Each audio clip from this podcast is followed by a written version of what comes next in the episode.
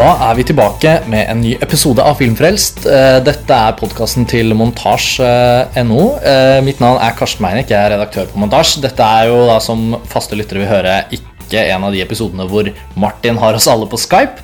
Men vi er nå i Oslo. Eh, Tor Joakim Haga, hei. God dag, god God dag, redaksjonsmedlem i Montasj. I dag er det du og jeg som er samlet. Vi har nemlig vært eh, på et sånn spesifikt filmarrangement i Oslo hvor det vises en del nye filmer. Og, og mm, vi nærmer oss jo jul, og mange har mye å gjøre, og sånn, så vi ble enige om at dette kunne være en fin måte å få kjørt en ny episode av Filmfrelst. Også fordi det egner seg, nettopp fordi vi har sett såpass mange filmer de siste dagene. Um, filmtreffet er det vi har vært på. Hva, hvordan opplevde du det? Hva slags arrangement er det egentlig?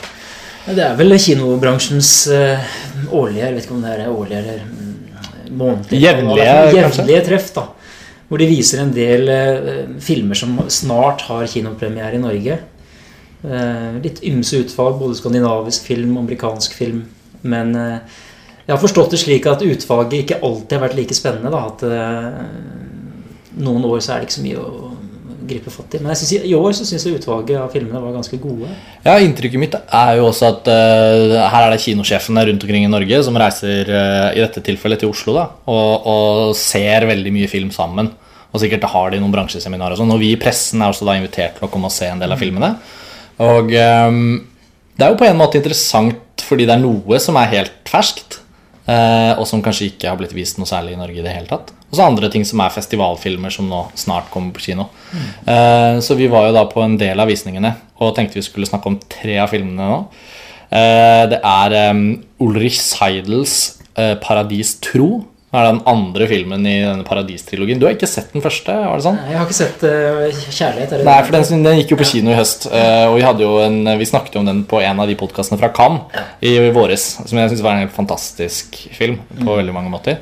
Eh, og denne film nummer to, det var da altså eh, en av filmene vi har sett. Og så neste Glaube, Ja, Paradis. Glaube.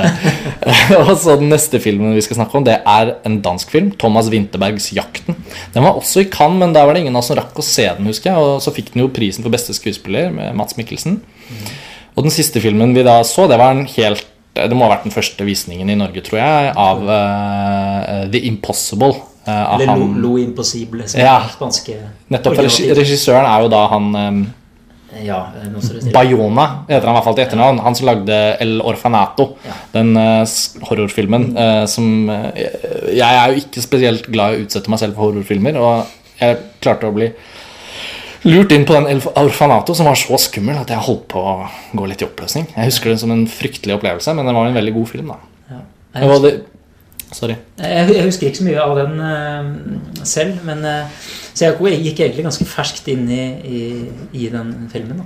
For det, The Impossible er da et uh, En skal altså Den foregår jo er satt til tsunamien i Sørøst-Asia. Ja. Hvilken sjanger skal vi si at den er i, egentlig? Eh, Postkatastrofe. Postkatastrofe, survival-drama? Noe sånt. Noe sånt? Ja. Det, skal, det blir i hvert fall den tredje filmen vi skal snakke om, så kanskje vi slenger med noen kommentarer om et par andre uh, filmer vi så også. Men dette er altså de tre filmene. Uh, Ulrich Seidel, skal vi starte der? Gjøre. Den filmen har jo premiere andre juledag. Så det er, av de filmene vi skal snakke om, så er det den første som kommer på kino. Det,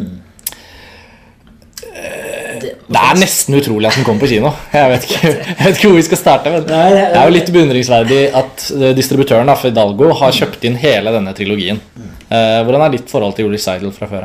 tror. Nei, som sagt så hadde jeg jo ikke sett uh, Kjærlighet, da Altså den første filmen i Paradis-trilogien. Men jeg hadde hørt så veldig mye om dette her.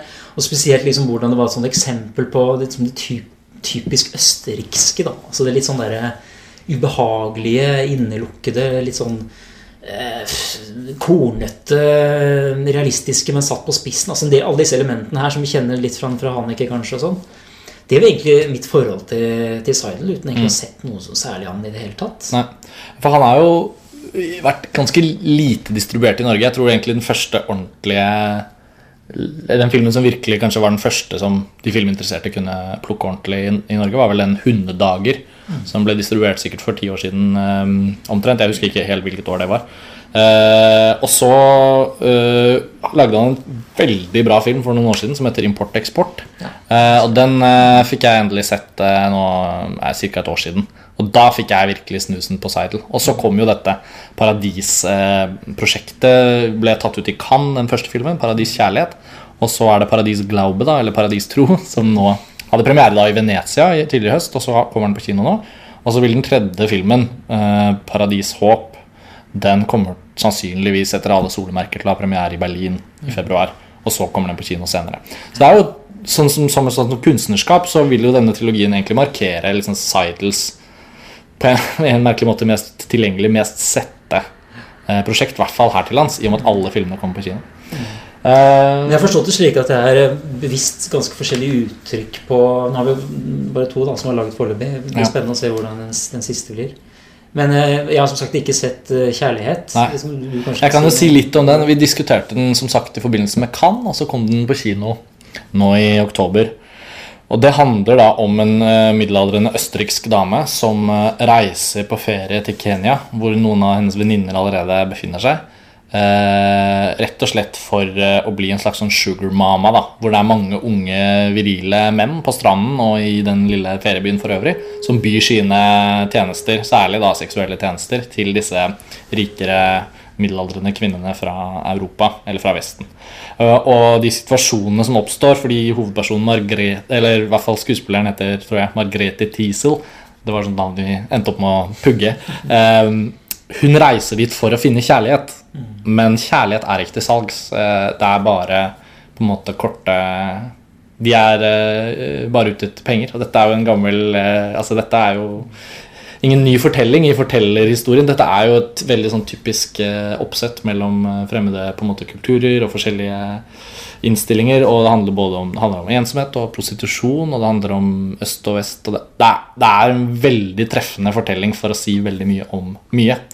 Og til min store overraskelse så var jo den filmen også en veldig underholdende film. Den er liksom super sånn arthouse i veldig mange ting, men så er den veldig underholdende. Jeg lurer litt på hvordan er egentlig liksom, hva var uttrykket der? Altså Var det, var det dette grelle, eller var det mer fargerikt på noen måte? eller? Altså det er jo, vi, vi introduseres for hovedpersonens liv i Østerrike kort uh, før hun reiser videre. Og dette er også interessant fordi at hovedpersonen i Paradis tro, det er søsteren til hovedpersonen i Paradis kjærlighet. Så det er egentlig en slags sånn familiefortelling også. Den tredje filmen handler om datteren til uh, hun i Paradis kjærlighet.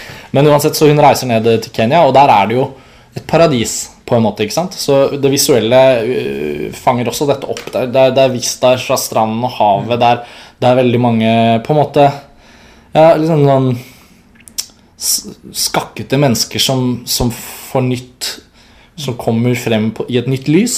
Men, men under overflaten i bildene så ligger denne dirrende uhyggen som, som handler om det helt enkle premisset om at mennesker er ute etter forskjellige ting. Eh, og det er en sånn gjensidig utnyttelse som blir veldig sørgelig etter hvert. Man, man mister jo litt troen på det er- litt morsomt, for det er altså litt sånn spenn da, på en måte fra det visuelle uttrykket og kanskje Absolutt. av tematikken. Og det var noe av det som jeg synes var, var best med filmen, var liksom situasjonenes litt sånn iboende underholdningsverdi og litt fryktelige. Altså Det var mye man både frastøtte seg filmen og ble liksom trukket inn. Og så var det motsetningen mellom hva miljøene egentlig hadde, og hvordan de så ut. Og det reflekterte tilbake på menneskene også. sånn Hvordan ser vi ut for hverandre, og hva er våre intensjoner? Pluss at det lå en sånn veldig sånn artikulert sånn der, Se på dette, liksom sexturisme. Det blir noe sånn veldig sånn der bokstavelig med filmen. Eh, og så kan vi jo da spole frem til denne vi Ja, har sett nå. så, sånn som du beskriver nå, så høres det ut som en, en mye mer eh, eh, liv, ikke, ikke, en litt lekende film, kanskje, enn det, enn det Glaube er. da, Ja. liksom dystre Glaube. Altså sånn, jeg vil, jeg kun, Vi kan starte med Jeg tenker at Paradis Glaube da Der Vi må nesten bruke den tyske tittelen, for det, det, det, er mer, det, er, det, er, er sannere om filmen. Uh, Paradis Glaube foregår utelukkende i Østerrike, og nesten utelukkende inni et fryktelig trist hus. Ja. Eh, og på, det fins ikke eksotisk, og det fins ikke på en måte en sånn billedlig fascinasjon. Det fins ikke heller en reise som i den forstand lå der da, i Paradis kjærlighet. Det var jo en slags eh, både narrativ og liksom bokstavelig reise. Her i Paradis Glaube så er det bare trist og surt. Ja. Og det gjør jo noe med filmopplevelsen. Og lang, lang, eh, altså det er lang Ja. og repetitiv. ja, den er minuttmessig kortere enn den første, Ja. men opplevelsesmessig en time lengre. Ja. Minst. Jeg jeg kan, kan liksom si, må kanskje fortelle litt om bare sånn helt basically om hva, hva synopsis er, da, for å gi et bilde på dette. her, og Det er jo også en en middelaldrende dame som bor da i en leilighet eh, i Østerrike et eller annet sted. Eh, ikke en stor by, tror jeg, men en litt sånn mindre by. Og hun er da mm, blir presentert som meget religiøs, fanatisk, og har masse sånne ikoner på veggene. Hun pisker seg selv foran ikona av Jesus på veggen. Hun går på knærne rundt omkring i leiligheten, og hun er liksom så, så helt oppslukt av dette, dette livet i innenfor kristelige fundamentalistiske regler. da. Og så, Det er liksom essensen av det, og så repeteres det mye. mye, og så, så, kommer det da etter hvert utfordringer som på en måte Eller det, altså, det kommer ting som utfordrer hennes tro, kanskje. da. Det er i hvert fall det som er intensjonen, tror jeg, bak ja, det er vel kjerne, ja, ikke sant? Uten å avsløre for mye, så er vel det kjernedramaet. Det viser seg også at hun har en ektemann. Ja, si det, også. ja, det er jo ikke noe spoiler. Han introduseres litt senere, og da utvides jo også inntrykket vårt av henne. Mm. Uh, men uh, nei, det er jo premisset. Og, og, man kunne jo også sett for seg da at hun, hun, hun var på eh, Hadde et eller annet form for sånn Eller hun har jo på en måte en misjoneringsprosjekt eh, ja. også i filmen. Mm. det er kanskje tre særlig tydelige sekvenser hvor hun er i leiligheten til noen andre, hvor hun tydeligvis har på en måte banket på, litt sånn uh, Jehovas vitner-style, ja. og, og, og, tatt med seg en sånn Maria-figur og vil på en måte overbevise de hun kommer til, om, uh, om uh, ja, sin religion. Og, og, nettopp, nettopp. nettopp. Uh, og, og, de sekvensene Men de er også ganske hermetiserte i, i, i, seg selv. Det er ikke sånn at vi i så veldig stor grad får være med henne på en form for reise. Jeg føler vi er veldig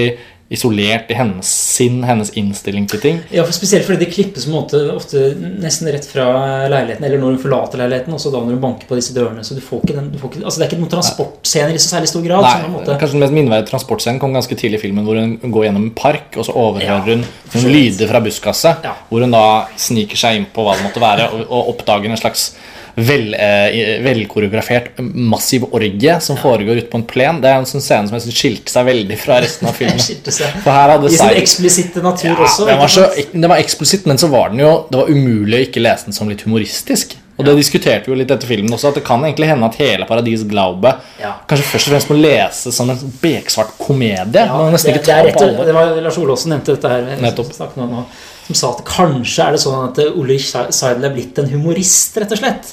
Altså en sånn beksvart eh, humorist. Eh, det vet jo ikke jeg. Jeg har ikke så stort forhold til hans filmografi for øvrig. Men, men det slo meg også når jeg ja. så filmen. Ja. For det var altså så spisset en del av disse situasjonene. Og he, hvordan hele og ikke, For ikke snakke om um, innstillingen ofte også. Og, og, leiligheten i seg selv var mm. liksom bare sånn der, overdreven med kjøkken, ikke sant? Og du, den bildet av Pave Benedikt over vaske, vaske, Hva heter det? Oppvaskkummen der. Ja.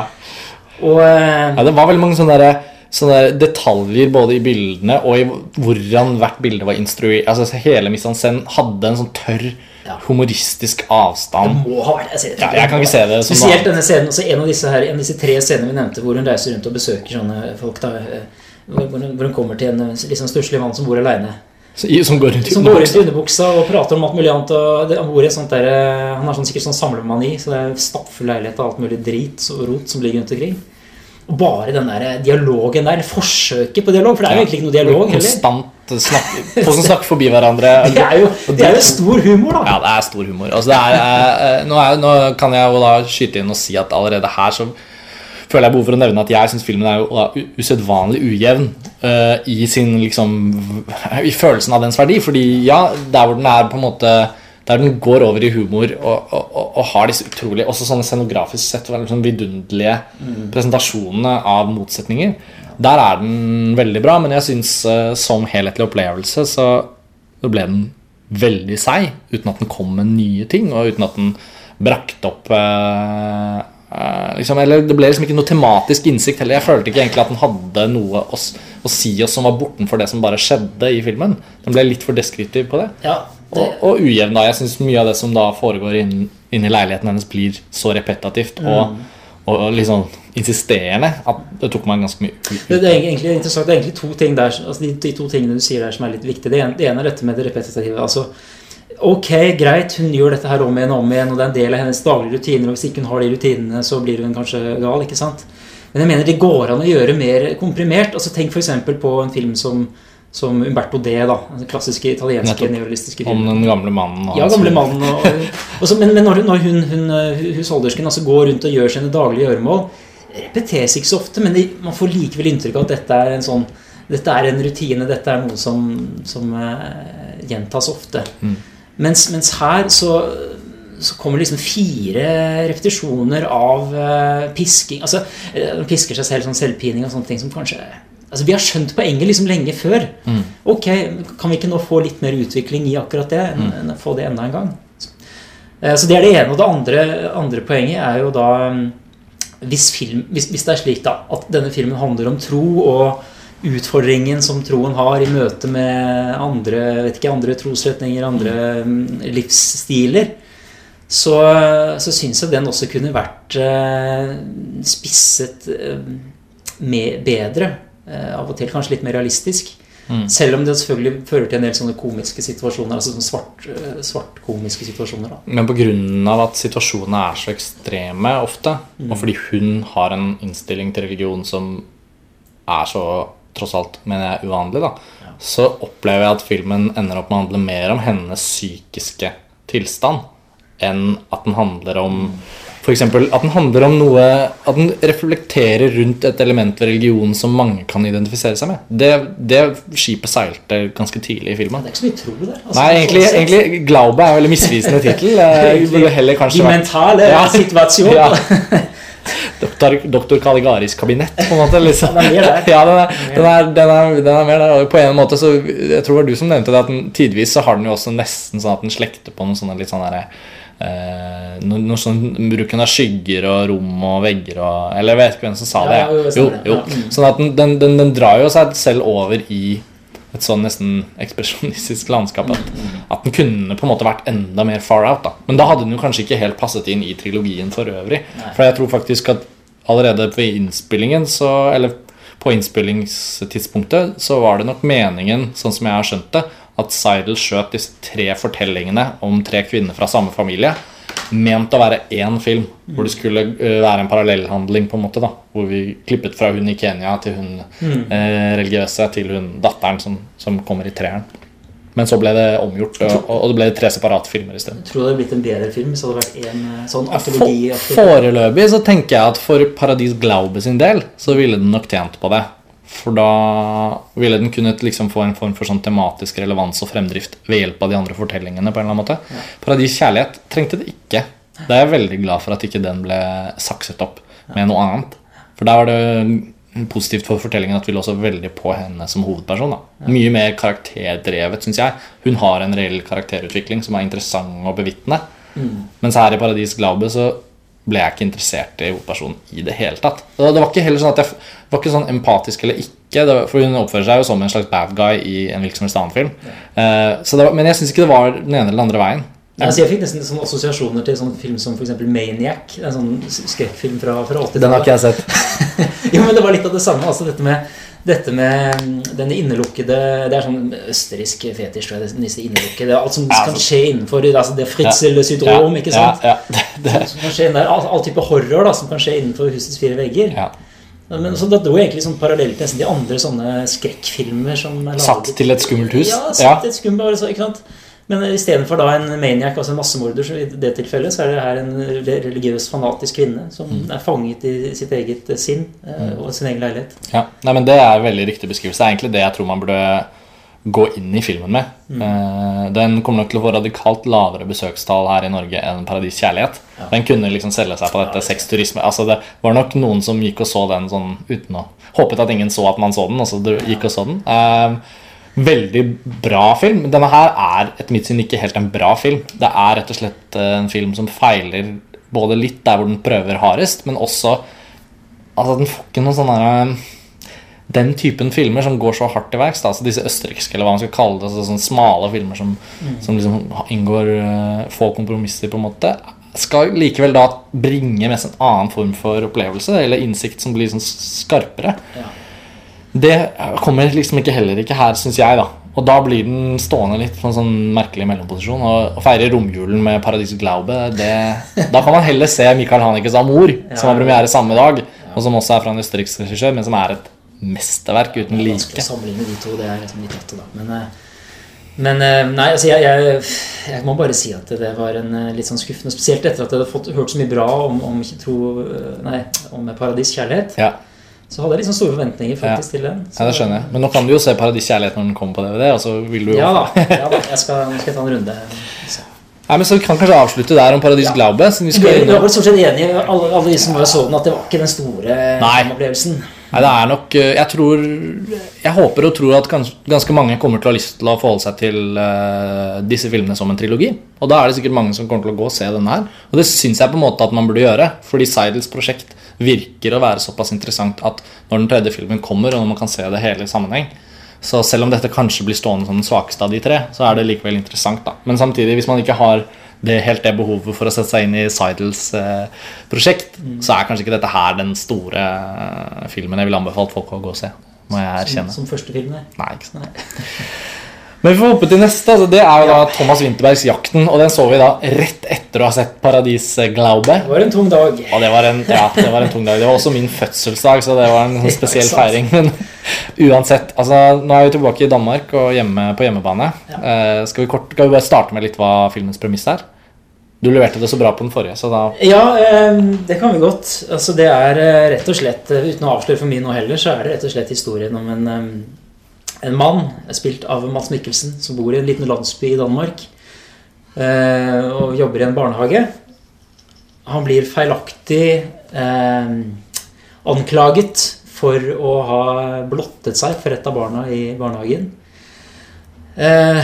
Eh, Pga. diverse omstendigheter. Og så er det nærmest en slags sånn H.C. Andersen-historie med en fjær blir til fem høns. Altså, hvor mm, Det vokser det eh, vokser, og, og han blir etter hvert eh, på en måte, typisk sånn landsbyfenomen. At han blir på en måte lukket ut fra, fra forskjellige eh, sosiale sammenhenger. ikke ja. sant? Og så blir det nesten også en slags form for Kafka-prosess Kafka, litt Hitchcock nesten. ikke sant? Mm. Jeg kan jo komme inn på liksom hvilke virkemidler de gjør, men det er jo definitivt eh, nok et eksempel på at danskenes litt sånn derre tette manus dramatiserer Sånn derre vanntett drama-drama, hvor det liksom ikke skal være mulig å ikke bli litt engasjert. Man blir jo litt revet med uten at man klarer å Ja, nå må jeg bare si at Vi var litt uenige der, da. Absolutt, vi var uenige. Altså, jeg, du likte vi, den vi Ja. to og Lars Ole gikk jo og så denne filmen. Eh, Lars Ole hadde ikke anledning til å være med i diskusjonen i dag, men, men uh, han likte den vel best av oss tre. Det tror jeg. Uh, han, uh, han var rørt og,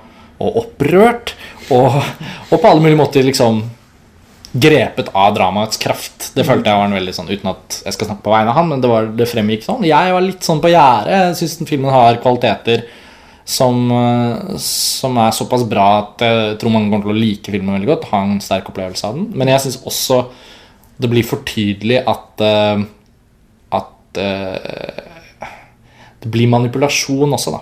Jeg syns det er leit å kjenne at man rives med en historie og en, med en karakter man har kjempeempatisk instinkt til. Og dette er liksom, det er til og med sånn samfunnsrelevant. Det er mange ting der som jeg er veldig innstilt på. Jeg kommer til filmen med de aller åpneste intensjoner. Men måten den fortelles på, måten den er konstruert på, eh, bikker over i, i manipulasjon. Og det syns jeg er uheldig. Og, da, og dette traff jo deg enda Ja, det var, jeg likte den jo da minst, da. Ja. Eh, av oss tre. Og, og det er nettopp mye av det du sier der. Jeg, sammenlignet det litt med å, å se den filmen som å lese en eh, roman eller en novelle av Faye Weldon, den kjente feministforfatteren, som jeg aldri har likt. Altså, eh, hun skriver på en sånn måte at du irriterer deg mer over hennes retorikk, måten hun spisser situasjoner på, enn du identifiserer deg med denne kvinnen som har det fælt i et eller annet forhold. Så det går altså mot sin hensikt. Og Det samme var altså litt i denne filmen hvor jeg følte at dialogen var skrevet slik at alt skulle være så ullent, og det er ingen som sier rett ut hvordan faktisk ståa er. Og når det formuleres så ullent, så tolkes det selvfølgelig i verst mulig retning. ikke sant? Det, jeg, jeg så, det var sånn irritasjonsmoment for meg, for det ble liksom så konstruert, og vi skulle virkelig føle, føle urettferdigheten knyttet til da Mats Mikkelsens uh, rollefigur. og han uttrykker seg akkurat ullent nok til at han kan bli sett på som en, som en eh, pedofil. Ikke sant? Og, eh, så selv om jeg så enkelte kvaliteter eh, her og der, så, så ble det irritasjonsmomentet for stort. For, for meg, for, altså for min del. Og, og det er veldig lett for meg å se. Altså sånn, det, jeg så det samme, på en måte, og det lot seg kanskje ikke det, det ble ikke såpass at Det var visse kvaliteter ved filmen som klarte å overvinne disse andre tingene. Men det gjorde uansett at jeg hadde en litt sånn ujevn opplevelse underveis. Noen scener så øh, Og det er veldig tidlig i filmen, akkurat der hvor um, barnehagebestyreren har kalt han inn på den første møtet for å Ja. fortelle han at nå er det Nå er det et barn har sagt noe her, Mm. og dette, blir, dette er alvorlig. Det er for meg umulig å forestille meg at en sånn situasjon ville utspille seg på den måten. Og når de legger den frem så liksom realistisk, da, i hermetegn, på en måte, Ja. troverdig, så blir det også problematisk hvor lite troverdig den er. Nettopp fordi at hvis du anklages for noe sånt. Det, det fins ikke eksempel Jeg kan ikke se for meg noen som ikke da ville umiddelbart sagt dette er ikke sant. Ikke sant? Eh, og alle ville skjønt at hvis dette tas videre før det blir liksom Altså Man må håndtere det der og da i ganske stor grad før ting tas videre. Han ville skjønt som alle andre at øyeblikket det han går ut av det rommet, hvis ikke han har fått sagt hva han mener, så kommer jo det til å vokse altså sånn, Jo, men Det blir som om sånn, det, blir sånn, det er idiotisk å ikke forsvare seg selv. Kjempeidiotisk. Det det er litt samme situasjon når- kjæresten til Mads Mikkelsen da, spør han rett ut eh, Ja, er- det sant at du gjorde dette her mot denne, denne Ja, og så at han ikke bare da sier nei. Sier han ikke det? Han sier, han sier Jaså, tror du jeg er gal i hodet? Ja. spør han.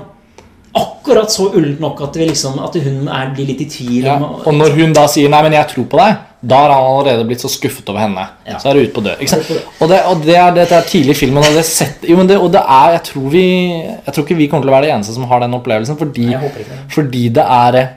Det er litt som at du vil ta tømmerrenna, eller du vil ta den der sklien, Mm. men du vil få lov å liksom nærme deg kanten i ditt eget tempo, sånn at du får en god opplevelse av rutsjinga der. Når en av kameratene dine da bare dytter deg ut, Et eget tempo det er godt poeng. Ja. Mm. jo, men skjønner du? Altså, og da er det sånn, Jo, jo, det var gøy å være den på den sklien, men jeg irriterte meg egentlig hele veien over at ikke jeg fikk lov å ta det valget selv.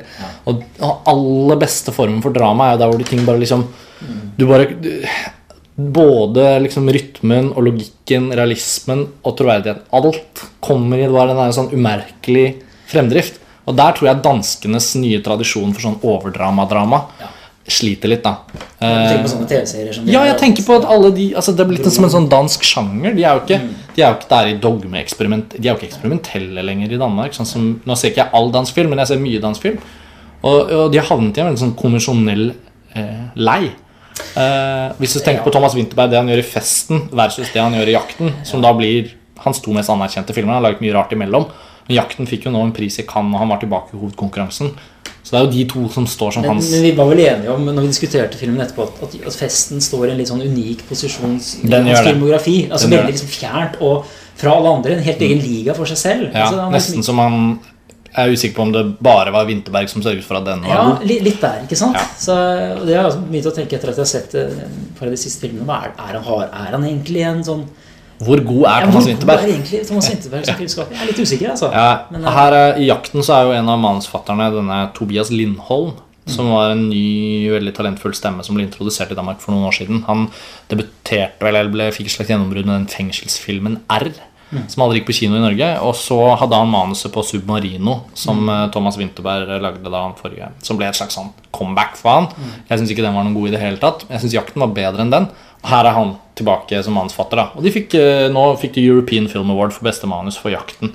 Ja, fått skryt. han Så, så jakten Ja. eh, står jo i en veldig Den er jo en kritikerrost prisvinnende film. Ja. Men eh, det, det rykker likevel i meg. Så kan vi godt snakke om de beste sidene ved filmen. Mats Mikkelsen Ja. i Jeg må bare sky- skyte inn at den der, før vi gjør det Ja, ja, absolutt, altså det, absolutt. For det var bare Apropos det du sa i stad, dette med paranoia. Altså Det Hitchcock gjør så bra med, med, med denne sansen for paranoia, er at alle elementene eh, kommer til hovedpersonen. Og, så er det ting som foregår inni hodet. Altså De kommer ganske naturlig til han. Mens her kommer ikke de eksterne elementene så naturlig til hovedpersonen. Og dermed så tror jeg ikke helt på Eller jeg blir ikke helt med på denne paranoiareisen som jeg gjør f.eks. hos eh, Hitchcock. Da, ikke sant? Ja, ja. Så det var bare, men det var sånn Nei, men, men det er viktig også, fordi at, eh, og det glemte jeg altså, Det er jo faktisk manuset jeg opplever som filmens største svakhet. Ja. Altså at uh, manusets ja? Men alt som innebærer da, måten situasjonen er bygd opp på, strukturen som jeg regner med at er ganske manustro, uh, opplevdes ikke som en veldig uh, sånn, altså Klippingen var tight sånn rent sånn spenningsmessig, men strukturelt så, så opplevdes det som en veldig sånn manus eh, sammenfattet film. Eh, og, og så syns jeg da symbolbruk og noe av det som skjer mot slutten også, var veldig sånn manus-manus. Eh, og i den forstand så er det jo rart at nå har den jo fått mest anerkjennelse for manuset, men og for skuespillere. Og der, Derfor syns jeg det var en grei overgang til Ja, ja, å snakke litt om Mats Mikkelsen. Og han gjør virkelig en veldig god jobb. Til og med der hvor dialogen er på sitt verste, så er det hans uh, mimikk, da, hans, hans vilje til å liksom uttrykke en sånn eksepsjonelt innstendig Og han spiller så mange forskjellige typer. Det syns jeg har begynt å bli veldig fascinerende med han. Han har virkelig ganske stort spenn. Ja. Fra en litt sånn Jeg trodde på han som barnehagebestyrer, da. Men siden andre enden så kan han være en troverdig bad guy i Bond-universet. Og han kan være Altså, det er ikke mange skuespillere som kan spille både fryktelig gode karakterer og fryktelig onde figurer. Så Men jeg syns spesielt at han spilte godt i For jeg, Nå likte jo ikke jeg så godt dialogen i, i, i, i Jakten. Så jeg, jeg likte spesielt de sekvensene hvor det ikke var dialog, men hvor han hadde mulighet til å kunne spille enten sitte hjemme for seg selv og Det er noen små, små blikk, altså noen bevegelser, mimikk altså et eller annet det er de minste tingene han gjør i den filmen, som er de beste. Ja, det er det. det, er det akkurat Derfor er det synd at filmen gjør så jævlig mye. Ja. altså sånn filmen som film. Alle Ja. grepene er så overdrevne. Mm. Den kanskje den minnet meg mest om, var jo da Susanne Biers eh, i, i denne verden. Var det ikke det den het på norsk? Best, uh, Eh, ja. Eller noe sånt. Mm. In Nei. Ja, Den het Hevnen på dansk, i hvert fall. ja. Uh, I en bedre verden, var det. bedre verden. Ja. Sånn var det. I en bedre verden. Uansett, den, den hadde jo også et sånt veldig sånn, veldig sånn overdrevet og sterkt drama. Yeah. Eh, og den eh, slo meg som en litt bedre film, men, men det er nok noen av de samme problemene jeg egentlig ser. At det er noe med dette eh, høyt liksom ropende danske. Men du kan si, ja det er det Men på en måte så var det også det, En annen ting jeg likte godt Var jo denne evnen Vinterberg eh, har da Til å skape situasjoner med ekstrem sosial ukomfortabelhet Altså Blant annet altså, spytter på en liten jente her Og det er en, sånn, en scene i en kirke Som er veldig, veldig Ja. sånn Altså han, klar, han klarer å, å, å- få meg til å føle sosial ubehagelighet, selv om jeg også irriterer meg. Der er han, der er han ganske flink, syns jeg. Eh, men det er jo ganske lang, lang, eh, langt rom mellom disse, disse Ja. enkeltscenene her, da. Jeg, ja, jeg er enig, og jeg tror at um, på mange måter så vil nok denne filmen også virke veldig sterkt inn på folk. Eh, Det tror jeg. eh, den, den Det er jo det. Og den er også Jeg tror jeg forstår, tematikken kanskje også Nettopp. mye. altså Den har jo denne te tematikken som både handler om at uh, selvfølgelig overgrep mot barn, når de inntreffer, er en Ja, det er uh, noe av det som berører oss mest i samfunnet. Fordi man både vet at det er for mye av det, og at man vil det til livs. Og det er liksom et sånn evig Det vil jo dessverre alltid være aktuelt, sannsynligvis. Men så er det jo også dette med at det da i så stor grad engasjerer samfunnet at i de tilfellene hvor, hvor spørsmålet om skyld ikke er så tydelig, og hvor barnets eh, rolle, barnets eventuelle fantasi det, Når det spiller inn og Sånn som jeg skjønner, så er jo faktisk denne filmen løselig basert på Bjugn-saken i Norge. Okay, Eh, det jeg har ikke lest så mye om det, men jeg så det ble nevnt i et intervju med Thomas Winterberg. Og da, selv om ikke det er en konkret gjenfortelling av det, så var jo det også en sak som, som i norsk sammenheng skapte veldig mange store overskrifter, nettopp fordi man, man ble sittende med først og fremst en følelse av at ikke det var en, et, et løst Altså at, at saken var veldig vag, men også veldig alvorlig. Og et helt samfunn som, som sikkert ennå slikker sine sår etter en forferdelig traumatisk opplevelse. Da. Og, der, og der syns jeg filmen den er samfunns, Det er en veldig samfunnsrelevant fortelling. Og jeg berømmer på en måte premisset for å lage en sånn film. Og på mange måter er den også vellykket. Så Derfor er det så synd at dette lille hakket, som blir veldig viktig For det er jo forskjellen mellom at man lar en film Jeg tror ikke den kommer til å sitte i som en sånn sterk fortelling om de temaene. Nei, men jeg tror nok at folk vil, kjenne denne følelsen av, av urettferdighet som jo tegner opp eh, da, ikke sant? At han er, blir urettferdig behandlet, og alt vokser i proporsjoner. Jeg tror nok men, det, men for oss som er liksom veldig bevisst på hvordan man, hvordan man Hvordan- bygger intriger Ja, og altså- forteller historien ja, sånn. hvor, altså Overvurdering, undervurdering av tilskueren Mm. eh, i dialogskriving og sånne ting. Der kan det nok bli et irritasjonsmoment. Men jeg tror nok folk som går og ser den her, og jeg tror mange kommer til å gjøre det, Ja, av som du sier tematikken, Ja. så vil de nok føle den, den, den urettferdigheten Ja. eh, på kroppen. Altså. Nå er jo premieren ikke akkurat nært forestående. Den kommer på nyåret. Ja. Eh, Den har vært vist litt, så jeg tror kanskje det har noe, vært noe festivalvisninger og sånn. Men, Men eh, jakten kommer på norske kinoer tror jeg i månedsskiftet januar-februar. Rundt der en gang. Det kan hende det blir justert på, da.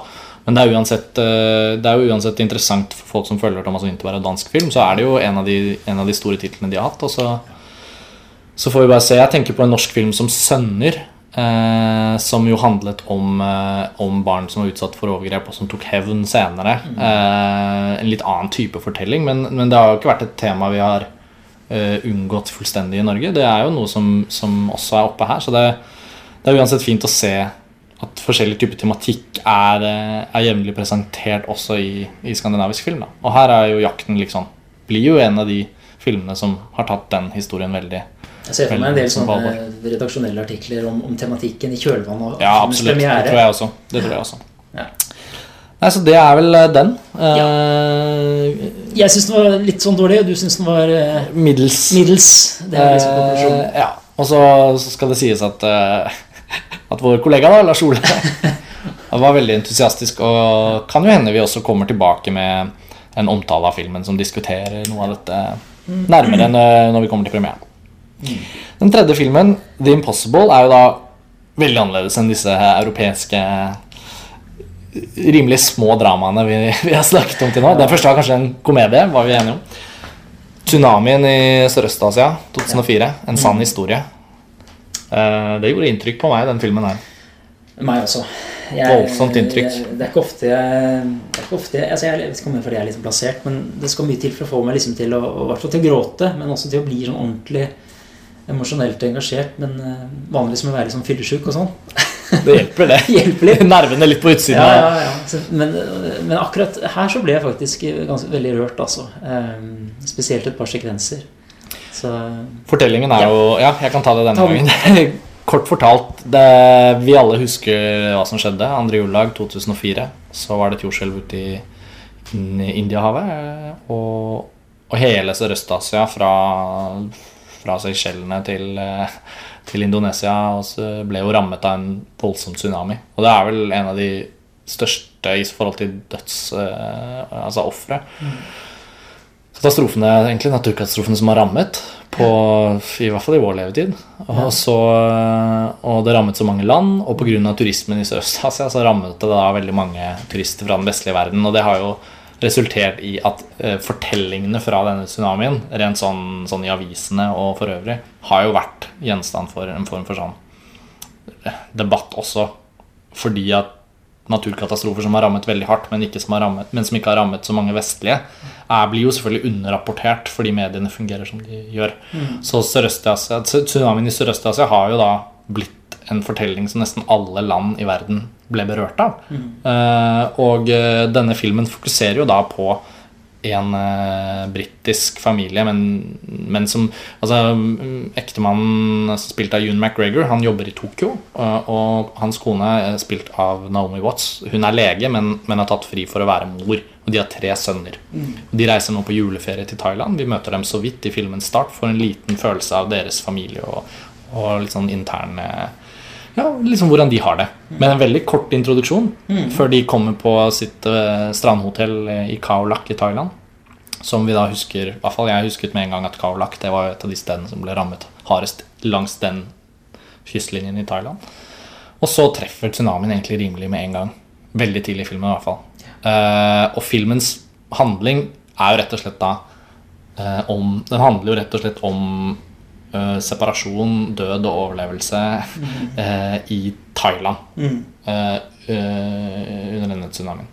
Men den tar ikke opp i seg så veldig mange fortellinger. Den fokuserer veldig på denne enkeltfamilien og skjebnen til alle de individene, da, de tre barna og de to voksne. Sånn noenlunde. ja.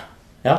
Um, og det griper jo rimelig umiddelbart. Ja. Og så fort den bølgen treffer, så er vi jo Det er jo på kanten av setet. så mange ting man kan egentlig si. Det er jo, det er jo, ikke, det er, altså det er en katastrofe, men det er mer konsekvensen av katastrofen da, Ja. som man fokuseres på. Ja, det, er veldig lite, det var nesten befriende hvor lite den Altså Når tsunamien treffer, så er vi rimelig fort nede hos da Naomi Watts. Eh, Vi følger først henne, kona i familien, eh, i vannet hvor hun prøver å gripe tak i en, en kvist eller en, en, en eh, stamme, liksom. Men så fort vi kommer dit, så, så er det ikke de, så veldig mange av de store totalbildene med enorm destruksjon. Altså Hvis man ser tilbake på Roland Emmerichs eh, det- det- katastrofefilmgjengivelser, så er det dette er en helt annen sjanger. Mye mer nedpå. Det er det, og det er faktisk også et, et viktig poeng som jeg den så lenge jeg husker det. Altså dette med makro og mikro som, som går gjennom i filmen. Altså det er hele tiden vekslinger mellom liksom store totale altså etableringsskudd og sånne ting, og sånn ultranære eh, bilder av disse da som er involvert, spesielt denne lille familien. Så du, det er en mye mer intim form for for katastrofefilm, på en måte, hvor, man, hvor, man ikke, hvor det ikke bare er masse mennesker, sånn som i vet ikke, Day After Tomorrow, eller sånn som du sier. Hvor det bare er en sånn masse maur nærmest som bare blir skylt av gårde. Ja. Her har du, her hele, veksler det hele tiden slik at du alltid føler det, hva som foregår eh, internt hos dem, men Ja. også hvilken plass de faktisk har i dette universet. Ja, det, vel, det, det var et påfallende element, og det synes jeg er et av de virkelig vellykkede sånn, fortellermessige valgene. Vi var inne på det litt med jakten, altså hvordan fortelles historien.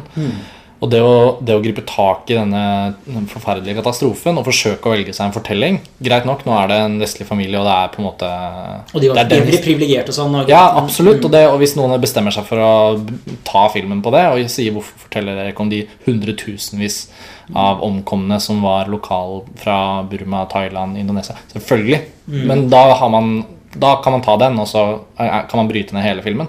Men vi vet at det var utrolig mange skjebner. Tusenvis av skjebner.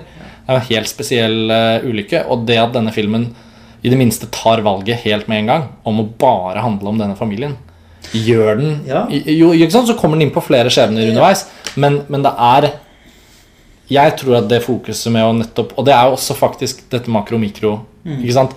Vi vet at det er så mange historier at, at eh, filmhistorien har ikke nok plass til å fortelle alle de historiene. Og på en eller annen måte så må når det først lages en film, så må den finne sitt fokus. da. Og ved at den holder, til, holder på denne familien, men tar inn hva nå enn de ser da, i, på sin jakt, på sin leting etter hverandre, så støter vi på mange elementer som bidrar til å fortelle en mer utvidet historie. da. Jeg syns den lykkes. Ja, og det var det, eller akkurat det momentet der var det jeg nevnte så vidt eh, når jeg så filmen, at det har litt sånn Spielbergs over seg. Altså det, hvor det er store katastrofer eller kriger eller hva som helst. Og så tar han utgangspunkt i, i skjebnen. Det er ikke bare Spielberg som Jeg gjør syns det, var veldig- men jeg synes det var veldig mye Spielberg ved denne Ja, filmen. I pos aller mest Ja, positiv positivt forstand. Og de andre ting, og nå, de som lytterne er sikkert dritt av at det hele tiden trekker inn Spielberg. Nei, men Her er det jo superrelevant. her, her er det, jeg synes Fra alle disse Spielberg Faces-innstillingene uh, til, uh, eh, som du sier eh, Måten å fortelle historien på, akkurat sånn som Saving Private Ryan, Saving Private Ryan med, med gruppen og Schindlers liste med, med de som overlevde. Altså, tar utgangspunkt i de, de tusen, ikke sant? Så, så det er en vinkling de har valgt som er, som er ekstremt effektiv. Og så er det jo dette andre momentet som også er litt sånn Spielbergsk eh, Det tredje elementet blir det faktisk. Ja. Altså, og det er dette med, med separasjon, gjenforening. Altså den ekstreme styrken som ligger i, i akkurat det aspektet. For, jeg vet at det er noe av det som rører meg mest. Mm. Det er filmer som tar opp uh, dette her. Det kan være alt fra ET til uh, Home Alone, nesten. Altså. Ja, ja, ja. Og AI, eksempel. definitivt den. Uh, som er, fungerer så sterkt, altså. Mm. Når det er en form for separasjon som er dramatisk under dramatiske omstendigheter, og så er det kanskje noen noe gjenforeninger underveis. Det er, eh, det er veldig. Det kan jeg si, det er ikke noe spoiler, for det skjer ganske tidlig i filmen også, nettopp i denne katastrofen. Mm. Da med, med, med moren Naomi Watts og sønnen og det strabasiøse i når, når flommen inntreffer, Ja. eller når Ja, tsunamien inntreffer. ja? Eh, som var det første gang i filmen hvor jeg virkelig ble, ble grepet. Møtet mellom, mellom mor og, og sønn Ja. der. For det, vi kan jo bare det, altså For det første så er det selvfølgelig ingen overraskelse at eh, tsunamien treffer. Og, og alle kjenner historien fra virkeligheten om, om hvor vanvittig brutal Altså Mengden av død i denne katastrofen var jo helt, eh, helt forferdelig. Sånn at, eh, og det går ikke an altså Man klarer ikke å se en film hvor man man skal se bare at alle dør. Eh, altså, eh, det blir på en måte bare så grusomt. Eh, på en eller annen merkelig måte så er jo virkeligheten så veldig mye verre enn filmverden. Det denne filmen gjør, er i det minste å gi oss muligheten til å se at oppi all den fordervelsen så var det noen skjebner som, eh, som fikk muligheten til å overleve, i hvert fall. Og, da, og så fort den treffer, så er vi med Naomi Watts. Hun virvles gjennom vannet. Og apropos Spielberg. Den sekvensen i åpningen av Saving Private Ryan hvor noen av soldatene er under vann, og Ja. lyddesignet bringer disse blandingen av soldater som dør rundt dem, og disse kulene som virvler gjennom, og liksom forskjellen Og def deafening-teknikken med sånn pipelyd. Nettopp, sånn nettopp. eh, Det er veldig likt i The Impossible, og med stor effekt. For det som skjer her, er at vi får virkelig være med på de kreftene som var i omløp. eh, Og det er jo forferdelig å på en måte få være med på, men fordi det handler om, for hennes del, et forsøk på å overleve, da, så, øh, så syns jeg det var vanvittig effektivt når hun liksom kastes gjennom vannet, forsøker å gripe tak i ting. Men det som flerrer rundt henne, er jo ikke da kuler, men det er kvister, det er Biler. biler, det er elefanter.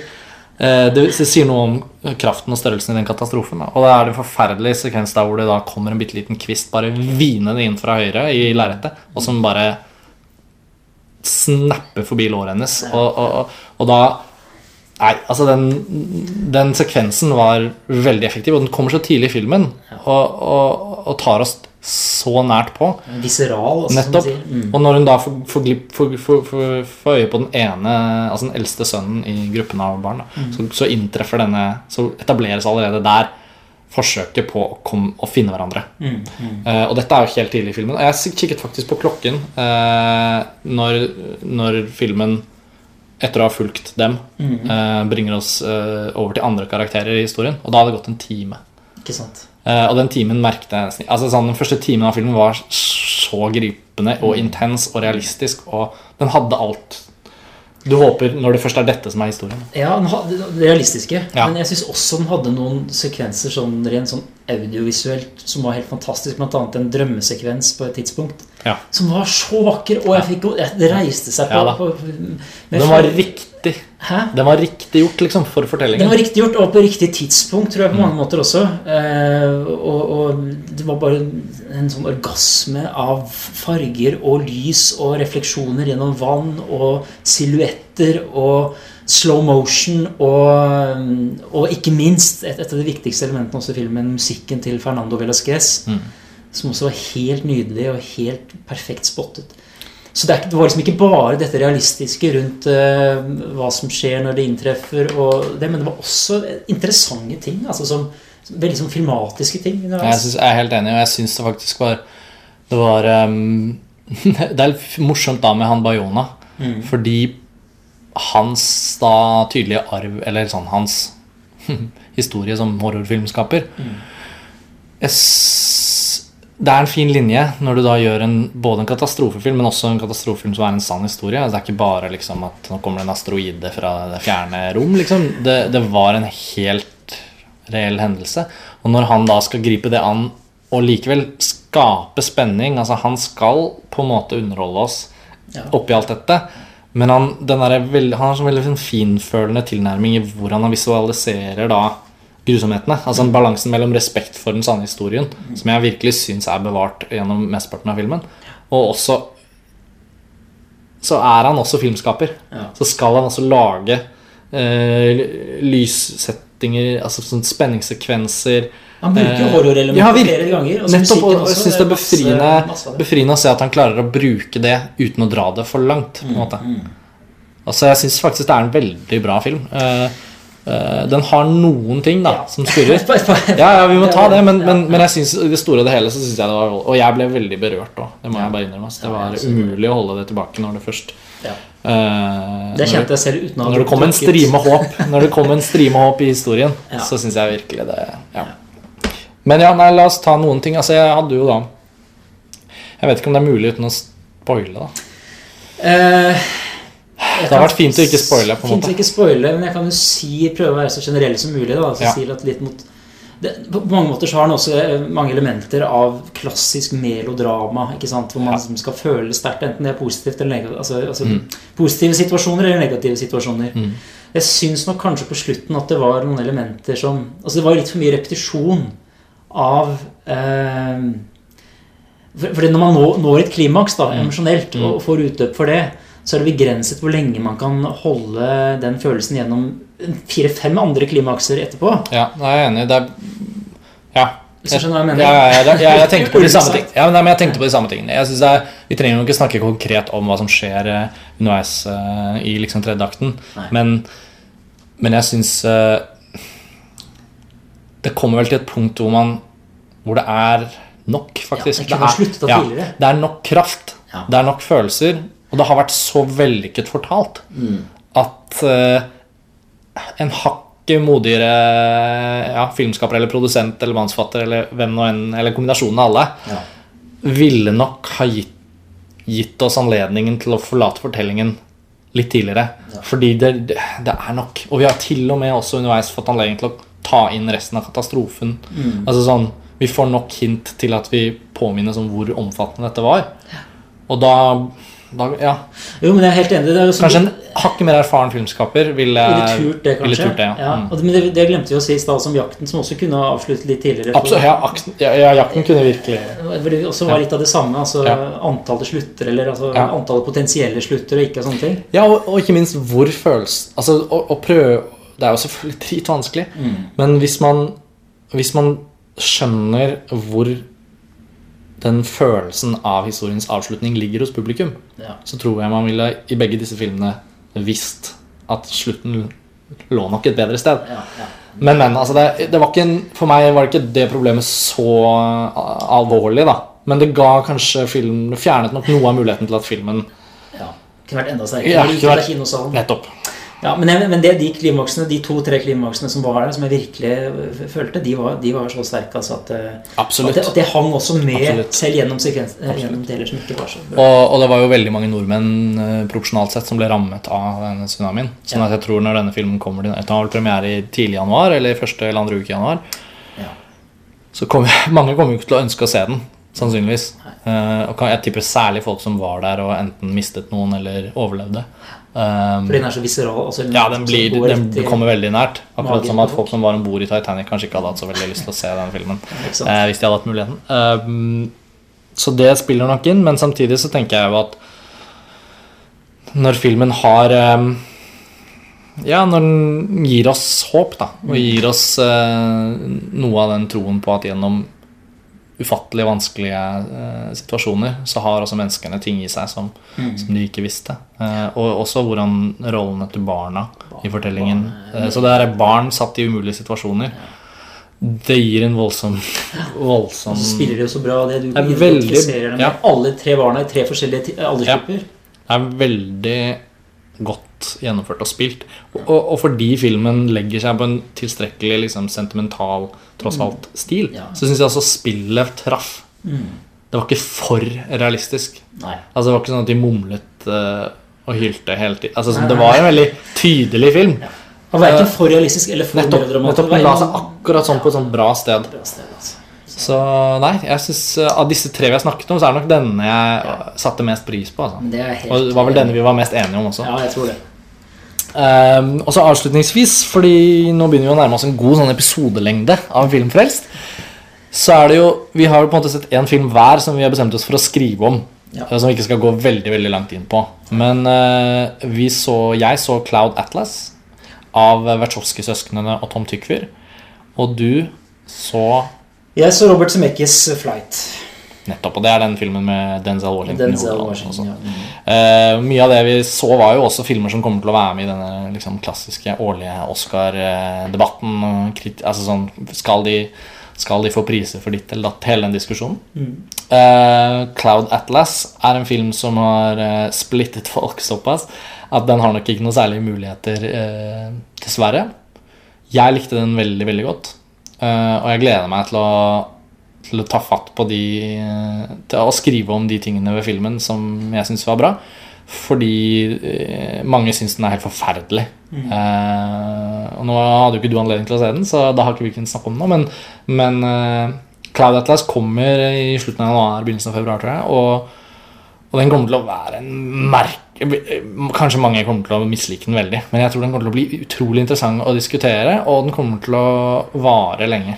Ja. Eh, har savnet at Wachowski-søsknene liksom virkelig flekser det potensialet de selvfølgelig introduserte med The Matrix. Eh, og, og de har jo vært involvert i ting som har vært veldig spennende, men fordi lista ble satt så høyt med altså den første Matrix-filmen, så vil de alltid liksom måtte leve opp til noen ting. Men her syns jeg de, de går i en helt annen retning. Eh, og Tom Tykvers bidrag er sannsynligvis også veldig sentralt, men jeg for, forbinder jo filmen nå for, foreløpig først og fremst med, med de to. da så det er en superinteressant film. Eh, s- veldig hårete i sine ambisjoner. Eh, særlig tematisk. Så ja, det var bare kort, kort litt om den. Ja, altså uh, Zemeckis Flight er en litt annen film, tror jeg, uten å ha sett Cloud Atlas. Men eh, det som gjør den så spennende det kommer, altså, Jeg skal skrive en, en, en, en, artikkel om den, så jeg, jeg, skal ikke si for mye nå. Men, men det er et, veldig befriende at han nå endelig er tilbake til live action da, etter å ha gjort tre sånne motion capture-filmer med ikke som ikke har vært altfor bra, for å si det mildt. så, så det var en en film som inneholdt en del uh, overraskende elementer til Zemeckis å være. Uh, spesielt i første del. Og andre ting som ikke var fullt så bra, det er, det er altså litt i samme gate som Lo Impossible. Altså en slags katastrofe, men altså, det handler egentlig mer om etterdønningene av katastrofen. og med, med Denzel Washington på en måte som, som et sånt fokuspunkt. Altså, hvordan jeg virkelig kan flekse alle skuespillermusklene han. Jeg skal snakke litt mer om den i, i, i artikkelen, men, eh, men, den har altså både gode og ikke fullt så gode elementer. Altså Sammenlignet med Castaway, f.eks., så, så er han ikke helt oppe på, på Castaways eh. Altså. Det er gøy at altså, Zemeckis har dette Han har liksom en sånn greie han, han gjør i de filmene som uh, Altså Det er veldig ja. forskjellig, men sånn mm. man, hvor man liksom da tydeligvis blir ved da, en enkel karakter etter noe ja, dramatisk. Altså det, er, det er tydelige Zemeckis-elementer her, hvor faktisk et element hvor går han, går han så helt tilbake til sine tidlige filmer. Eh, og han prøver seg på også litt mer sånne modne ting og litt, mer, litt mindre adventure og sånne ting. Så, det, men det motion capture-opplegget hans har jo, ja. i hvert fall etter mitt syn, bare vært, virket totalt uinteressant. Ja. Jeg må erkjenne at det har faktisk endt opp med at jeg da ikke valgte å se noen av dem. Men jeg var veldig leste anmeldelser og så trailer og var egentlig sånn veldig sånn innstilt på at når kommer den jeg må se. Men det virket på meg som om ingen av dem var verdt å se. Så jeg har ikke sett Nei. noen av dem. Jeg har sett alle. Jeg har pinnet, ja. For jeg har sett for det er da Polarekspressen og Christmas Carol og så Beowulf. Beowulf det er de tre. Ja. Ja. Så, så, jeg har også vært bekymra lenge da, for hva som egentlig skjer med Smekkis. Det er jo, men eh, det, det er et, et, steg i riktig retning, i hvert fall. Såpass kan jeg si. Og Flight har også premiere på nyåret. Så det er jo ikke, nå er vi jo rett og slett litt sånn tidlig ute med, med alt i denne podkasten. Ja, Men det er fint. Så, håper, vi har ikke spoilet noen ting om noen ting, så jeg håper folk har hatt lyst til å høre seg gjennom hele podkasten. Um, ehm, av og til hyggelig bare å være to, ja. og ikke være på Skype. Veldig fint. Noen varianter over temaet. Um, da tror vi er i mål med denne episoden. Ja. Det er jo desember blitt, så vi har en del nå Jeg tror kan, kan vel eh, faktisk melde at det vil bli noen uh, til før året er omme. Og avslutningsvis så kommer vi jo da til å gå gjennom våre topplister for 2012, så det kan jo folk da begynne å glede seg til. Men uh, for denne gang så er det vel takk og farvel. Ja, god jul. du melder den allerede? Ja. Vi tar den. God jul. Ja. Ha det bra.